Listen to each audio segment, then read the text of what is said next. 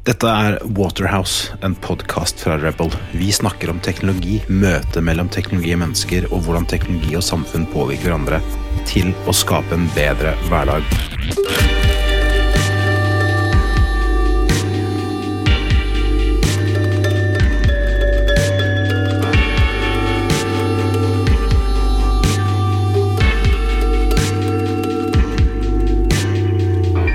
Waterhouse, en podkast fra Rebel. Bjørn Erik, vi har eh, snakket, møttes, treffes, hatt jobba på samme saker, tilstøtende saker, i mange mange år med fellesnevneren personvern. For så vidt før det forbrukervern, men det er en helt annen sak. Men personvern. Og personvern er noe som er både relativt konkret, men samtidig veldig abstrakt. Og det har alltid vært viktig, men det blir stadig viktigere og blir del av stadig flere samtaler. Og noe av det jeg merker med de folkene jeg har mye kontakt med, kanskje særlig i teknologi, rundt teknologi, enten man utvikler eller tilbyr eller bruker, er jo at det er veldig mye forskjellig forståelse av hva det er, og hva det ikke er. Og det brukes som argument for eller mot ting. Og det er, det er så en, en komplisert problemstilling egentlig, som samtidig har blitt veldig sentral, og noe som alle må ha et visst nivå av kunnskap om. Og da er jo det store spørsmålet hva er personvern? Ja, det er et stort spørsmål, og det er jo eh, folk som skriver uh, tykke bøker uh, om det. Uh, jeg har ikke lest noe av det. Det er kult. Og eh, jeg har heller ikke tenkt å gjøre det. Jeg leser om personvernregler og andre ting, men akkurat liksom hva personvern er, hva som er kjernen i begrepet. For det er nok noe som jeg også har definert litt for meg selv, hva jeg legger i det. Og det som jeg syns er det mest sentrale i personvernet er jo en rett til et privatliv, en rett til å ha rom hvor andre ikke slipper til. Eh, Det er å kunne bestemme selv over sine egne opplysninger. Eh, Både hva man skal dele med andre, hva de dataene som man gir fra seg skal brukes til. Og så har jo selvfølgelig eh, personvernbegrepet også påbygg, som går ut på at dataen skal sikres, eh, at det skal være informasjonssikkerhet, den type ting knyttet eh, til opplysningene. Men jeg synes som kjernen i selve personvernet, det er jo at man skal ha et rett til et privatliv, og retten til å være for seg selv og bestemme hva dataene skal brukes til. Og så er det jo selvfølgelig uendelig mange unntak fra det. Og det sier seg jo selv hvis du skal til legen eller du skal kjøpe en flybillett, så må du si hvem du er og hvor du skal reise hen. og må legitimere deg før du kommer om bord i flyet. Så det er veldig veldig mange situasjoner eh, hvor du er nødt til å gi opplysninger. Men allikevel at det skal være en ryddighet rundt når det skal gis, eh, hvor lenge det skal oppbevares, sånne ting. Og det er jo også eller regler som nå er nedfelt i bl.a. GDPR, altså nye personvernforordningen, eh, som sier og gir regler om hvordan personvernet til folk skal Eller hvordan personopplysningene til folk mener skal behandles. Eh, og så har det kommet mer og mer inn en teknologisk eh, dimensjon i personvernet. For eh, det ligger jo på en måte når jeg sier at retten til å være i fred, retten til å ha private rom Det høres litt rart ut kanskje i en verden hvor vi deler opplysninger hele tiden. Og, eh, og, og da kommer personvern og teknologi eh, inn. Så det at man bruker teknologi til å fremme personvern, det syns jeg er en viktigere og viktigere del av personvernet. Eh, At man bruker det som heter innebygd personvern. At man skal bygge teknologien inn i Nei, unnskyld, personvernet inn i teknologien, eller eh, teknologien inn i personvernet, ettersom man ser det. Det er veldig viktig. Så det legges stadig vekk nye dimensjoner liksom, til personvernet. Eh, og sånn er det selvfølgelig. Personvern i 1950 eh, er noe annet enn personvern i 19... Nei, hva sier jeg nå? 2020. Eh, Og personvern i 2050 kommer til å være noe helt fullstendig annet enn det det er i 2020. Selv om vi da sannsynligvis, Torgeir, ikke får være med å jobbe med det. Nei, vi får se, da. Se. Gjenstår å se. Uh, Det er ikke engang 100. Jeg er Nei, 100. jeg, jeg skal jobbe lenge med dette. Det er helt opplagt. Men jeg synes det, det er veldig interessant for eh, tre, eh, sånn umiddelbart siden å tenke på tre hoveddimensjoner i det du sa nå. Det ene er at det er regulert. Eh, og så er det dette med teknologi som gjør så enormt mye med, med både hvordan vi kommer i kontakt med data, hvordan vi deler data, og, og den, særlig den teknologien som kjennetegner vår tid, den er jo på tvers av landegrenser, på tvers av alle regulatoriske grenser. Uh, og samtidig, så noe som du sa, uh, hvor du sa at uh, personvern har du på en måte definert for deg selv. Og det er også kanskje noe av det som gjør det så vanskelig. at eh, vi alle har litt forskjellig oppfatning av hva vi vektlegger. Og det kan være kontekstavhengig, det kan være livsfaser, det kan være mye forskjellig som også påvirker hvordan vi tenker på det. Og, og, og dette skal man lykkes med. Og hvis vi tenker på mange av de som da utvikler teknologi, tilbyr tjenester også, så skal de altså lykkes med det regulatoriske, de skal lykkes med forventninger fra mange regulatoriske områder. Og så skal de i tillegg lykkes med våre forventninger, og det skal forstått vi også som brukere av teknologien lykkes med. Ja. Og mye, og mye, av det, det, mye av det kan samles i altså, Jeg syns noe av det, det vi har sett nå i, i, eh, i de siste månedene, eh, etter at korona eh, pandemien kom og eh, samfunnet ble stengt ned, eh, så tror jeg det var en oppvåkning for mange. eh, Både om hva personopplysninger kan brukes til, eh, hva det ikke bør brukes til. eh, Hva slags eh, utfordringer digital kommunikasjon kan gi, f.eks. I skolen, eh, så er det ikke helt uproblematisk å putte et kamera, sånn litt brutalt sagt, inn i stua og si at nå er dette klasserommet ditt. Det kan foregå veldig mye i det eh, klasserommet, eller unnskyld, i den stua slash klasserommet som eleven på ingen måte ønsker å vise fram til medelevene sine eller til læreren sin. Der kan det være småunger som løper rundt, eh, småsøsken, det kan være folk som de ikke ønsker å vise fram, det kan være et hus man bor i som man ikke syns at det er så veldig fint, som man ikke har lyst til å vise det fram av den grunn. Eller rett og slett fordi man ikke vil det, fordi man ikke syns det er riktig at man skal gjøre det. Jeg har hørt flere historier om nakne foreldre. ja, ikke sant? Ja, og det, det, og det, er, eh, det, er sånn som man lett kan trekke på smilebånda, men, men som er veldig, en veldig viktig dimensjon av det. Samtidig så har det jo vist også hvor fantastiske muligheter som fins til å undervise digitalt. Eh, Og vi har jo diskutert dette før, vi, Torgeir, at eh, skolen er jo ikke noe, akkurat noen spydspiss i digitaliseringen. Men fy søren så mange som har kasta seg rundt, eh, prøvd ting de ikke har gjort før, og fått det ganske bra til. Eh, og, og så er det mange ting som vi nå eh, kanskje må gå inn og rydde opp i. altså Det har vært lagra opplysninger, brukt verktøy som man nok sånn i en fredstidssituasjon ikke bør bruke. Men, men det får bli en annen diskusjon. Eh, det er også kjempeviktig å se hvor bra eh, dette egentlig har gått på mange måter. Da, og at eh, når vi må, så kan vi klare å ta de digitale løftene. Som jo også har en klar side til, til personvern. Så, så jeg syns vi har sett en del eksempler nå.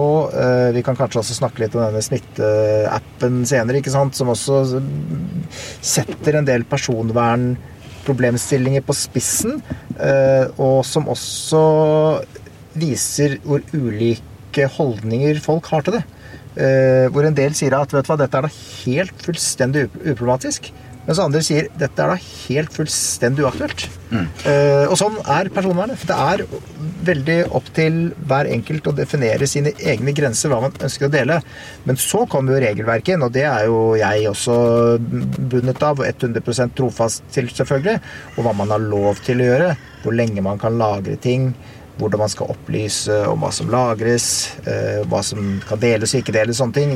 Men det er, det er for så vidt den, lov, den, den regulerte dimensjonen av det, da, som også du er inne på. Ja, og, og der er det også sånn at eh, når du sier 'har lov til', så handler det om, også om situasjoner. For noen steder og arenaer i samfunnet så skal man, er det et lovverk som sier at du skal Ja, ja. tilgjengeliggjøre, eller at noen har plikt til å bruke data om deg. Ja. Andre ganger så kan det være en avtale vi inngår, eller et samtykke vi gir. Uh, og det som jeg tenker er litt interessant også nå etter korona, når, når nå en gang etter korona starter, er jo at uh, i skolen annet, at, at man klarer å ta med seg læring og erfaring ikke bare fra det ped rent pedagogiske, men også håndtering av data og en del andre situasjoner. Og, og, og noe av det jeg er litt bekymra for, faktisk, er at man veldig fort skal begynne å klassifisere noe som kjempebra eller dårlig, og så bare hopper man videre, men at man ikke går grundig nok inn i alle de forskjellige dimensjonene, blant annet Ja. Ja. Og så er det jo sånn at eh, Du nevnte jo dette med å bruke teknologi for å styrke personvernet. Noen av disse videotjenestene som har vært i bruk i skolen, har jo funksjonalitet som gjør at du blurrer alt utenom mennesket. Så du ser bare personen, og så er resten Mm, Ja, ja. altså det er bare en sånn, Eller du kan velge en bakgrunn. Jeg har jo annet hatt møter hvor jeg sitter på, med New York Skyline bak. Ja, meg. Det ser veldig imponerende ut. da. Veldig imponerende. Det er ikke godt nok, for du ser veldig tydelig at det er eh, Det er jo som eh, Så hadde man- du blitt puttet rett i karantene hvis du ja, ikke sant? Ja, det er nettopp kanskje det som er greit. Man, er- man gjør det såpass low-key at man ser at det ikke er ekte. Ja. Nei, og, og, her er det jo veldig mye som også er, jeg tenker er interessant for eh, altså mange av samtalene og diskusjonene rundt teknologi. Som går på dette med hvordan vi skal lykkes, og hvordan å forstå perspektivene og balansere. Eh, og hvis vi ser på eh, Du nevnte bl.a. Smitte, smittesporing. Og ser på hvordan eh, vi kan også promotere godt personvern gjennom og forståelse for personvern gjennom riktig bruk av teknologien. Jeg leste nå at i Minnesota, tror jeg det var, så hadde de nå brukt en, en eller annen form for smittesporingsapp i forbindelse med opptøyer. Og i forbindelse med demonstrasjoner, i forbindelse med, med myndighetenes inngripen i demonstrasjoner. Og da er man jo langt utenfor det som skal tillates, selv om vi er i en sånn unntakssituasjon. ikke sant? Fordi tillatelsen og logikken og lovligheten her er- handler jo om unntakssituasjonen, og ikke, som du sa i stad, fredstid. Og det er jo en skummel eh, utvikling, eh, sånn som det. Nå kjenner jeg ikke det eksempelet konkret, da, men det at man lager noe som eh, kan være veldig anvendelig til å bruke til noe helt annet. Eh, For når man først har laget en app, og nå mistenker jeg på ingen måte at, eh, at dette kommer til å bli brukt med Smittestopp-appen i Norge, og jeg tror heller ikke vi kommer til å se opptøyer her. Eh, Men i et tenkt tilfelle så kan man jo veldig lett se for seg det at her har man en funksjonalitet som er så bra, og som kan brukes til så mye at man rett og slett ikke klarer å motstå fristelsen. Eh, og vi så jo noen elementer Jeg, tror i hvert fall folk fikk seg en liten oppvåkning eh, når de nå så hvordan eh, man kan bruke data fra basestasjoner for å se hvor mange som er i et område, f.eks. Uh, dette hytteforbudet var jo en av de tingene som virkelig ble masse diskutert eh, i en litt sånn tidlig fase av eh, pandemien.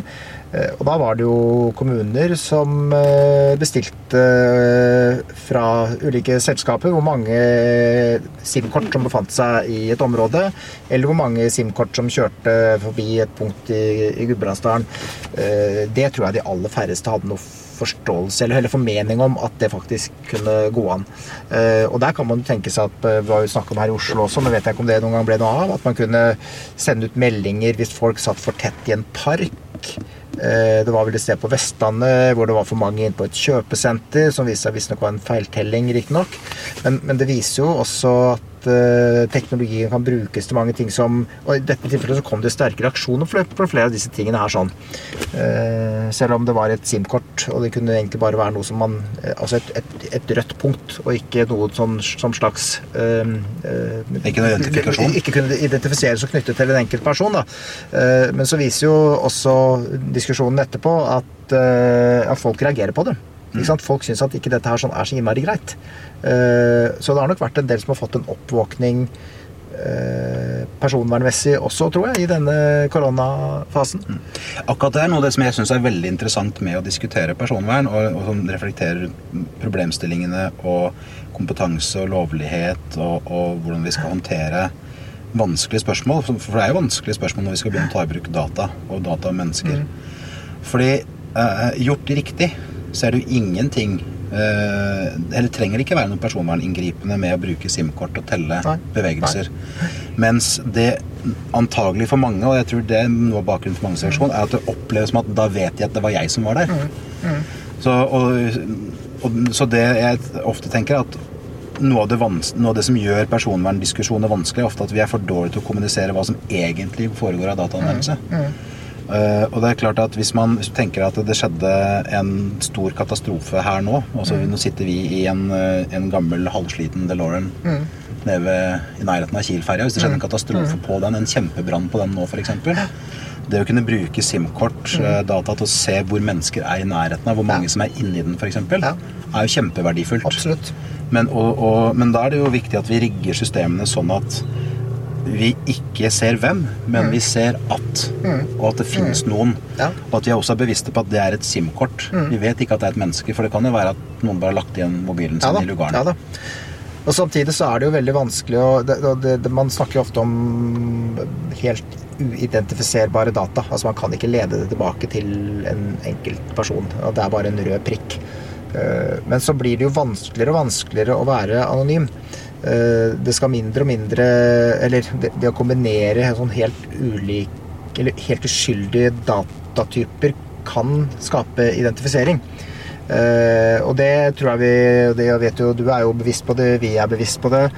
Uh, men liksom hvor lite som egentlig skal til av opplysninger for å si hvem en person er. Jeg har jo brukt et eksempel flere ganger som handlet om da jeg for noen år siden skrev en bok og laget en blogg. Uh, nå var det så få som leste den bloggen at uh, jeg tror jeg kjente alle som var inne og uh, var inne og kikka på den. Men da gjorde jeg et lite forsøk. jeg skrev en bloggartikkel om Skeid, som er fotballaget jeg holder med. Og så skrev jeg en bloggartikkel om Maine Coon-katter, som er en katterase jeg holder. og så søkte jeg på nettet Skeid pluss Maine Coon. Ja, Det var antagelig deg? Det var meg eneste i hele verden som hadde de to rare interessene, det var meg. Uh, og uh, så kan man jo trekke eksempelet litt videre og si at disse to opplysningene, Skeid og Main Kud, kunne vært i en database. Mm. Et eller annet sted. Uh, og nå tror jeg ikke noen hadde giddet å gått inn og søkt på det, men eksempelet viser hvor lite Altså to helt fullstendig anonyme opplysninger. I utgangspunktet fullstendig uinteressante opplysninger kombinert leder til en blogg Eh, og hvis dette var en database, så kunne det vært andre opplysninger om meg i, i nettopp det. Mm. Sånn at uh, det er en, uh, det er en interessant, et interessant eksempel, syns jeg. Ja, og, og er det igjen, det leder til deg fordi at det er kobling mellom deg og Skeid, og deg og Maine Coon ja, også. Ja, ja. Og, og et, et, Som en illustrasjon på disse problemstillingene, men når vi begynte å snakke om SIM-kort og røde prikker, så kan vi også se litt til den serien med saker NRK har publisert, hvor de har kjøpt data fra Tamoco i, i, England. Mm. Uh, og det er klart at der leder det til menneskene, fordi at de, de selv om hvert enkelt datapunkt i seg selv mm. ikke kan lede til et individ, mm. så kan summen av de, når du ja, ja. vet at det er samme telefonen, for da kan mm. du følge de hvor de er mest er, Vi er jo ikke noe mer komplisert enn det. Vi er mest hjemme ja. eller på jobb. Mm. Og, og, det gjør at man kan begynne å identifisere mennesker, for du har sammenstillingene. Mens samt, hvis man hadde gjort det som et, eh, en sanntidsstrøm av data, mm. sånn at du kunne at du hadde et system som gjorde at f.eks. brannvesenet kunne se akkurat hvor mange mennesker eller hvor mange mm. SIM-kort er mm. der akkurat nå. Mm. Og når de ser gjennom fem minutter, så, de, så ser de ikke de samme SIM-kortene. Og kan ikke Nei. se at det er samme SIM-kortene, bare kan se at nå er det så mange. nå er det så mange. Så det handler jo veldig da mye om hvordan vi anvender data. Og det som igjen er betinger at vi faktisk har nok kunnskap om det til å forstå at det er en risiko. Mm. Som de NRK-sakene nok har vist. Eller som Maine Coon-katten og Skeiv har vist. Og, og, det er jo noe av det som jeg tenker Du nevnte i 2050 hva personvern er da. Uh, jeg tror vel at én ting personvern er, er tungt til stede i de fleste, kanskje mm. alle, mm. profesjonsutdanninger. Så hva er, hva er, personvern i min mm. profesjon? Hva trenger jeg å kunne som enten det er journalist eller en fotografen som tar bilde av oss nå? Ja, ikke sant? Ja, Hadde respekterer eh, ikke vårt personvern. Nei, uh, Eller hos politiet, eller du er pilot eller lege. Altså, hva er hva er personvern i den konteksten, som er ganske viktig. Og det er kanskje noe av det som jeg synes er også er veldig interessant i mange av de situasjonene jeg er oppe i, hvor jeg må late som jeg ikke kan noe særlig om personvern, for å liksom høre mm. hva skjer. Mm. Enten det er med skole, eller det er butikker, eller det er mm. altså nettopp det derre Hva er det for noe? Og bringer meg tilbake til noe av det du sa, som jeg syns er viktig, som jeg tror er spot on for de fleste. Altså jeg definerer litt for meg selv. Og da blir jo spørsmålet som er det regulering? Er det teknologi? Er det filosofi? Ideologi? Ja. Det er alt det du sier. Ja, det er alt det du sier. Og så kan jeg liksom ikke Det der med hva personvern er fremover, er veldig vanskelig å, å, å si. Men jeg, jeg, er helt enig i det at jeg tror det kommer til å komme mye mer inn i utdanninger. Uh, og jeg tror også det er av vi, vi, har blitt, vi, som sagt, mye har gått veldig bra. Uh, men vi har også blitt litt avslørt. og hvor mye uh, hvor mangelfull kunnskap det er hos enkelte, altså. og jeg jeg tenker på liksom Vi var med på denne koronadugnaden for digitale lærere, som var et veldig interessant og, og, og flott initiativ. Eh, men vi fikk jo spørsmål i etterkant eh, hva, fra lærere hva, Men hva skal jeg gjøre, da? Hvordan skal jeg Hvis en elev ikke skal, ønsker å vise fram hvordan det ser ut hjemme i stua, hva kan vi gjøre da? Og når rådet liksom er Ja, eh, du kan jo si at vi kan skru av kamera. Og så får du en reaksjon Ja, men det var veldig lurt. Det var veldig lurt. Det skal jeg jammen meg huske å si. Da er kompetansen lav, altså. Uh, og jeg tror er, jeg tror ikke det er et det det er kanskje et litt slemt eksempel, eh, men samtidig så er det et veldig illustrerende eksempel. For jeg tror ikke det var bare én lærer som lurte på det. Eh, Nei, det var nok mange lærere. Ja. Men da tenker jeg at for, for å ta litt tak i det, for å passe på at det er ikke slemt, er nettopp at det, det er jo ikke den enkelte lærerens ansvar Nei, nei. eller skyld på noe vis. Nei. Det handler jo om at vi systematisk ikke har tilført ny kompetanse etter hvert som samfunnet utvikler seg.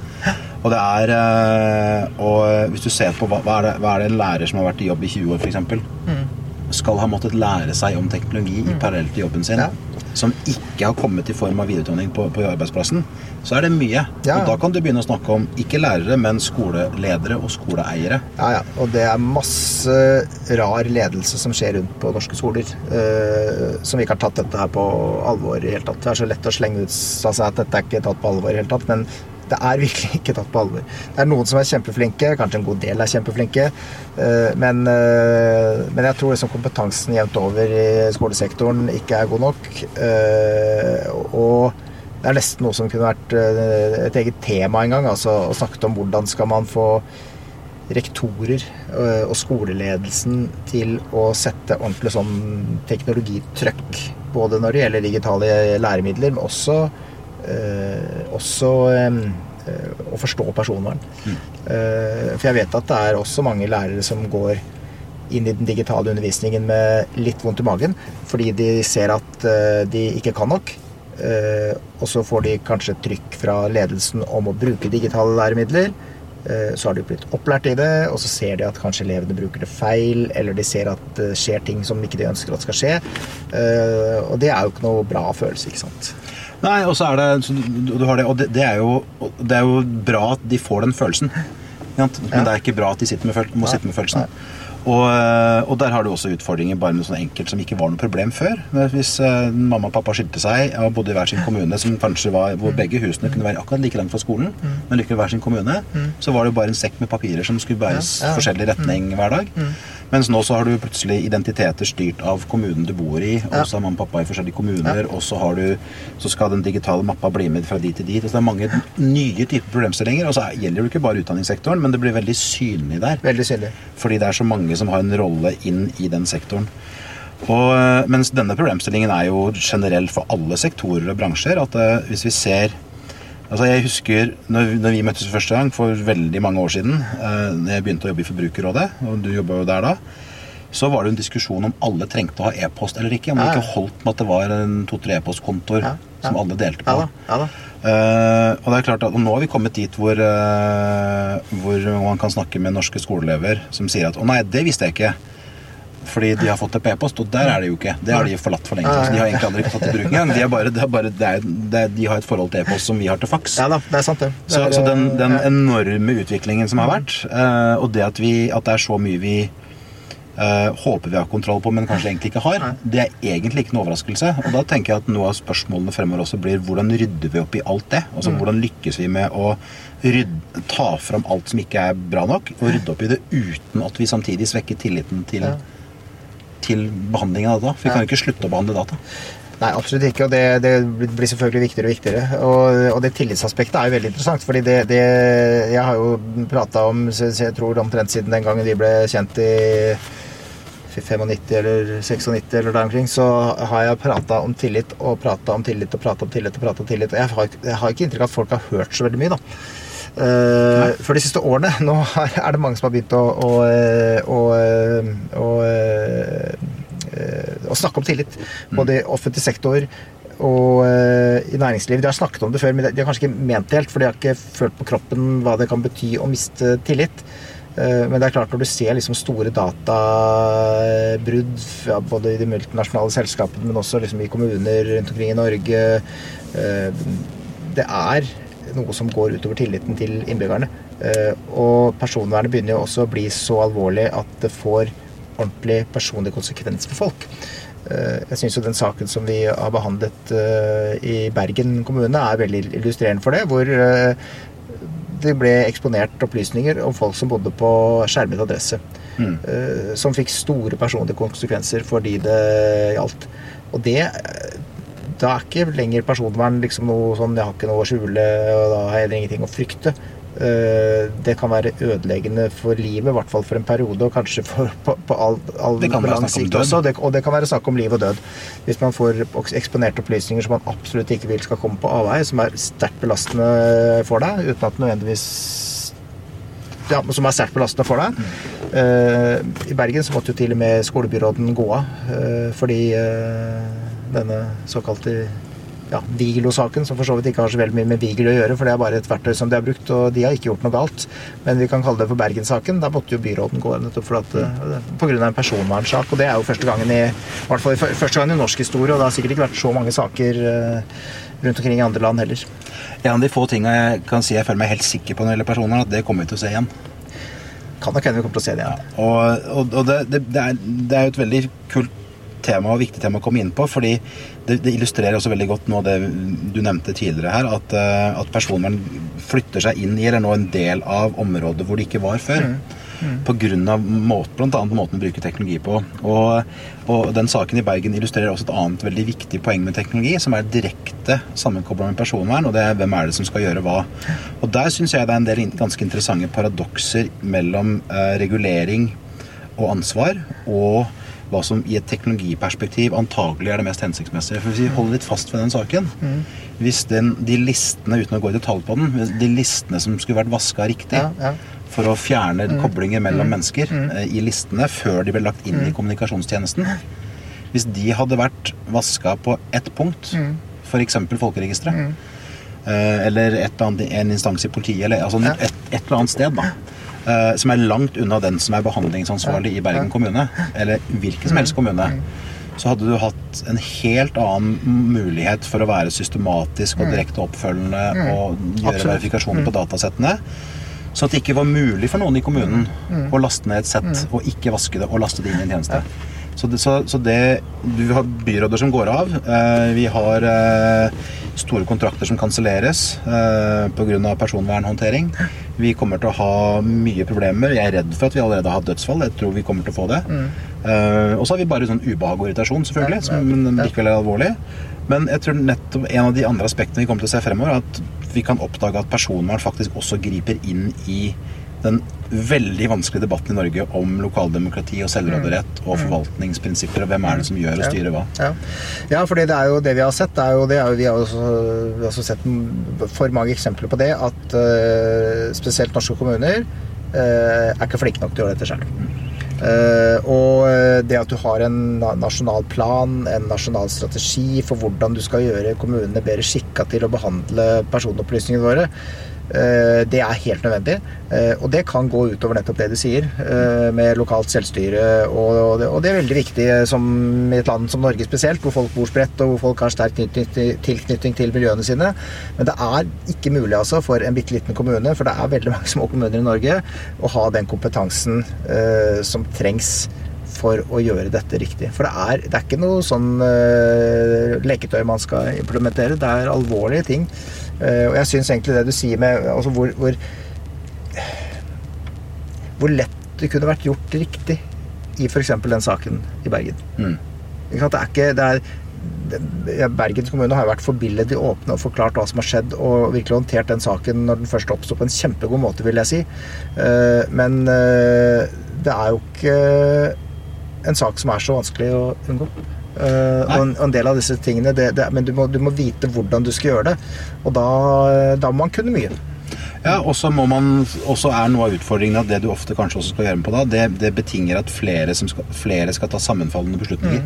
Og man må bli enig med en del ting i organiseringen som ikke nødvendigvis er lett å gjøre. Men vi er kommet dit pga. teknologiutvikling og at vi behandler data. Ja, ja. Det er, uh, dette er en samtale jeg tror vi kunne holdt gående i mange timer. Det kunne vi. Jeg er ganske sikker på at vi også kommer tilbake til det. Og ikke minst så håper jeg at veldig mange der som hører på, og andre i politikken særlig, kommer tilbake til det ofte. Og um, jeg syns det er veldig spennende uh, når, vi, når vi skal runde av nå, at vi har vært innom et veldig bredt spekter av det som før var adskilte fagområder i samfunnet.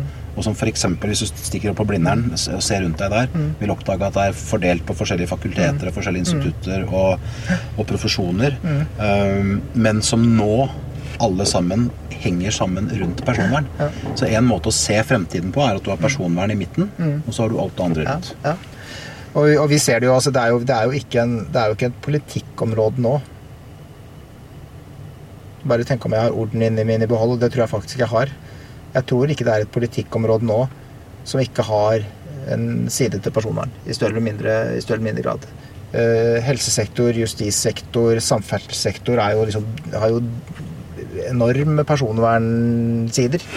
For det registreres mye. Det er kanskje litt mindre i fiskeripolitikken, men det er nok personvern der og, eh, og andre politikkområder òg. Men det er jo virkelig noe som gjennomsyrer samfunnet så voldsomt. Og jeg har jo sittet i den jobben eh, som jeg har nå i, i ti år. Uh, og det har vært litt av en utvikling altså, på disse ti årene. Nå var personvern viktig for ti år siden, og det var mange debatter vi hadde, men det er helt annerledes nå. Ja, og det, og det som du sa, det er, et, det, det er til stede i realiteten overalt. Overalt. Og det var det ikke før. Nei, det var det før. Takk skal du ha, Bjørn Erik. Takk skal du ha, Torgeir. Følg med i neste episode.